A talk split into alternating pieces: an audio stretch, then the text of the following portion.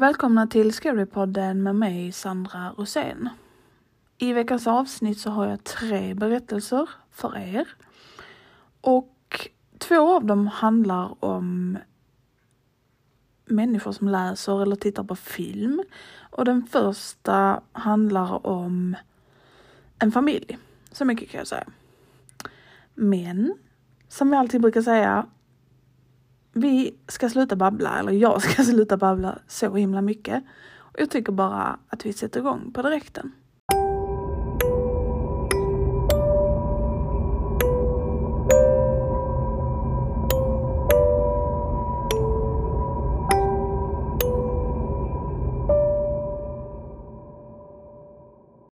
Trots att de är kända heroinmissbrukare har John och Linda alltid sagt till sig själva att de är bra föräldrar. Deras åttaåriga son Matthew har haft en lång historia av hjärtkomplikationer. Av vilka många härstammar från Lindas överdrivna användning av droger under hennes graviditet. Trots detta har familjen alltid varit nära och både Linda och John ser till att ta hand om sitt barn efter bästa förmåga. Under den senaste månaden har paret dock börjat använda droger i mycket högre doser. Efter den senaste hetsen kom John och Linda överens om att ta en ledig dag för att återhämta sig. Linda, vi kan inte fortsätta leva så här, sa John halvvaket.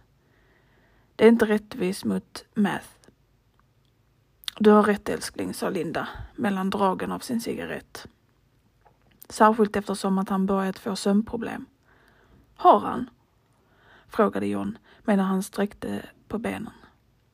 Ja, i måndag sa han att han hade känt sig trött på dagen och rastlös under natten, sa Linda när hon släckte cigaretten. Oj, shit, sa John när han reste sig upp. Vi kanske borde kolla till honom. Linda nickade och de två reste sig ur sängen och gick ner i korridoren. Fan, det här huset luktar skit, sa John. Ja, om du städade för en gångs skull skulle det kanske inte vara så jävla vidrigt, svarade Linda.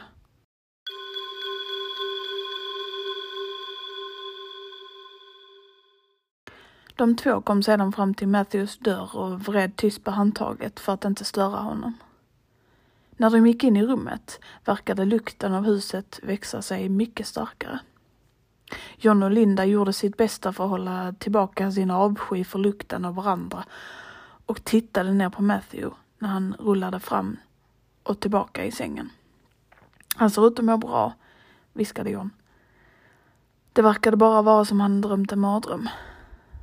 John hukade sig ner vid Matthews säng och började klappa på pojken. Det är okej okay, kompis. Vi tar dig till doktorn imorgon, sa John lugnande. När han klappade på honom igen frös han till. Linda, något är fel med Matthew, mumlade John. Vad menar du? viskade Linda bekymrat tillbaka. Jag kände en knöl på hans rygg och så fort jag rörde vid den började klumpen röra på sig, slutade John medan han sakta reste sig. Kompis, jag lovar att vi tar dig till läkaren imorgon, sa John när han tittade tillbaka på Linda. Vilken tid öppnar läkaren imorgon? frågade han Linda. Inte säker. Låt mig kolla, sa Linda medan hon sträckte sig i fickan. Linda tog fram sin telefon och frös. John, stammade Linda. Vad är det älskling, sa John när han satt där bredvid Matt. Hur länge var vi höga? Frågade Linda medan hon höll blicken låst på sin telefon. Jag vet inte, en vecka eller så. Varför? Vad är fel? frågade jag nervöst. Matthew sa till oss att han inte kunde sova på måndagen. Det är söndag nu. En våg av panik svepte över John när han tittade tillbaka på deras rastlösa barn. Han slängde snabbt av sig Matt, Matts täcke och såg förskräckt hur deras sjukt gröna barn som fortsatte att tjata i hans säng.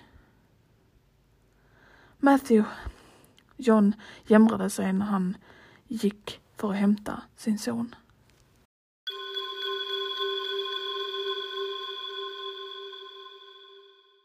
När han plockade upp barnet separerade Matts kropp och landade på den mögliga mattan med en sjuklig squish.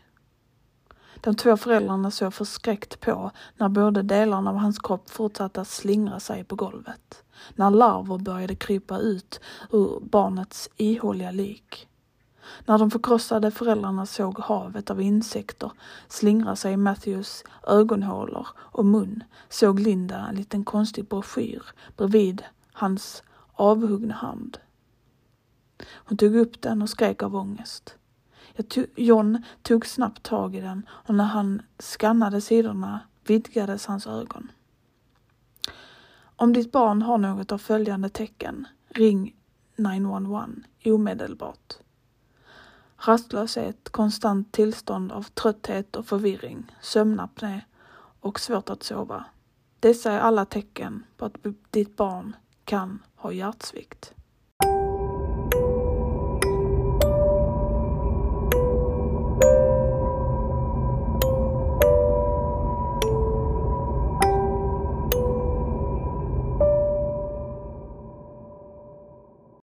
Jag satt ensam i mitt svagt upplysta sovrum, uppslukad av en skräckroman som gjorde så att jag fick rysningar längs ryggraden. Stämningen var fylld av förväntan. Varje knarr från golvbrädorna förstorades av min överaktiva fantasi. Föga anade jag att den sanna terrorn var på väg att utspela sig mitt framför mina ögon. När jag vände blad fick jag plötsligt en rysning längs min ryggrad vilket gjorde att hårstråna på baksidan av min nacke reste sig. Rummet kändes kallare, luften tyngre. En känsla av obehag sköljde över mig, som om jag blev iakttagen. Jag tittade mig omkring och förväntade mig inte att se något annat än det välbekanta, omgivningarna i mitt rum. Men så såg jag henne stå i skuggorna. Hennes silhuett knappt synlig i mörkret min flickvän. Eller åtminstone, det verkade vara hon. En kyla rann genom mig. Mitt hjärta rusade i bröstet. Vad gjorde hon där och lurade i mörkret? Hennes ögon, en gång fyllda av värme och tillgivenhet, verkade nu tumma, utan känslor.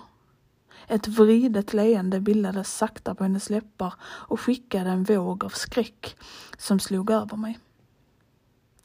Det var som om en främling hade ersatt den personen jag trodde jag kände så väl.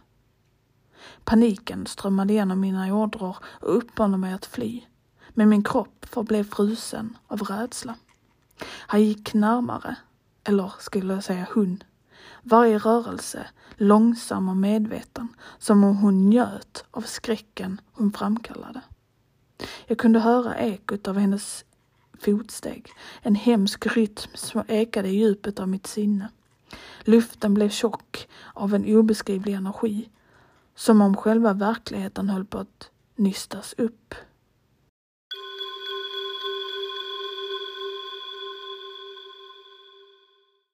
En flimrande glödlampa kastade kusliga skuggor över hennes ansikte och avslöjade vridna drag som inte liknade kvinnan jag älskade.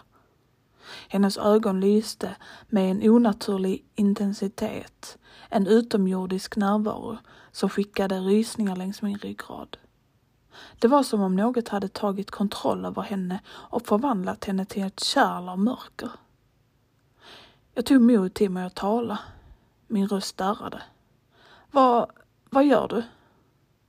Jag lyckades stamma mina ord knappt hörbara i den kvävande tystnaden.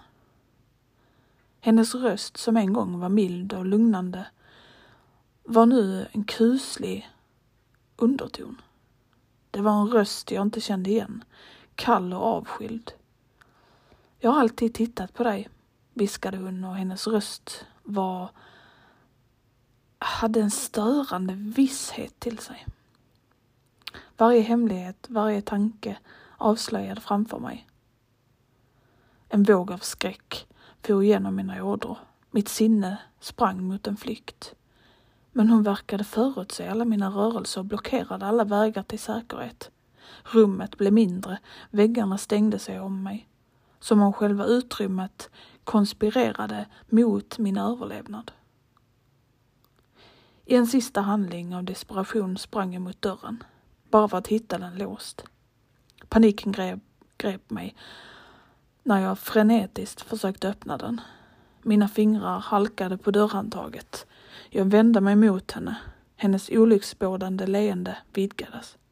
Det finns ingen flykt, väste hon och hennes röst ekade i det trånga utrymmet.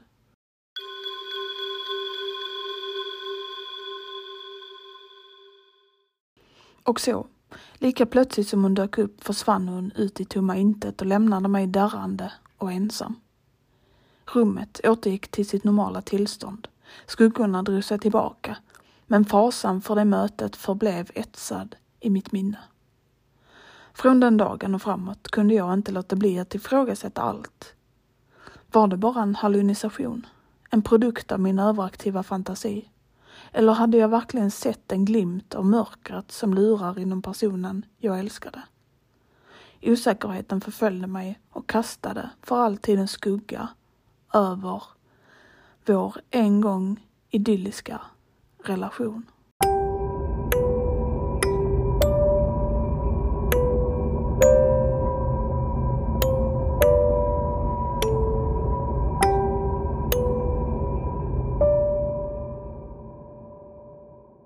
Jag har ett problem och det har gjort mitt liv till ett helvete på grund av mitt nuvarande problem.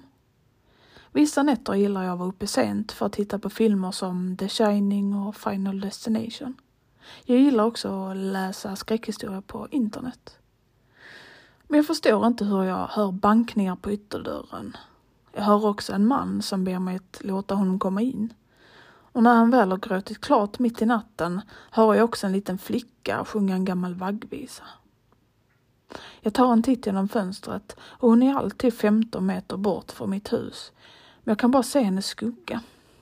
Det finns till och med morrande ljud av något slag som kommer från huset. Men jag kunde aldrig hitta varelsen. Men när jag söker hittar jag alltid ett av fönstren öppet.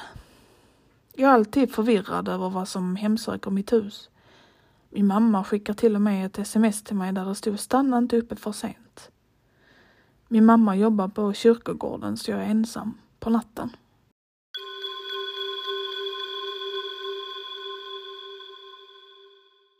Jag vet inte varför, men jag kan fortfarande höra de konstiga ljuden som förföljer natten. Det finns till och med vissa nätter där det är helt omöjligt för mig att somna. När jag ligger i sängen och när månskenet skiner genom fönstret ser jag människor stå på andra sidan. Jag kunde ibland höra dem stöna som om de hade ont. Men jag förstår inte varför de fortsätter krafsa på glaset och väggarna i mitt hus. Jag försökte få mig själv att tro att allt detta kanske bara är en dröm. Men när nästa dag kommer ikring tittar jag ut och märker att mitt sovrumsfönster från utsidan har repor på sig.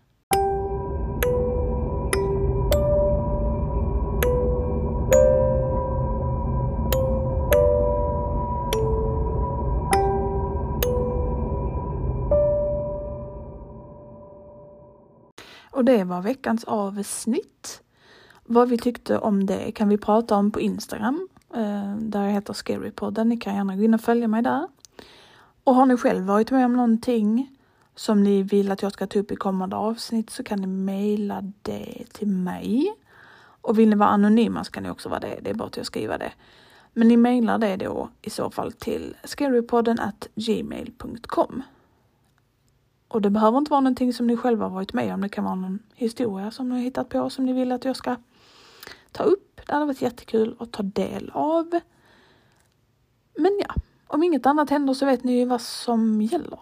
Och ni vet vad jag brukar säga vid det här laget. Om ingenting händer så hörs vi igen nästa vecka. Tack för att just du lyssnade.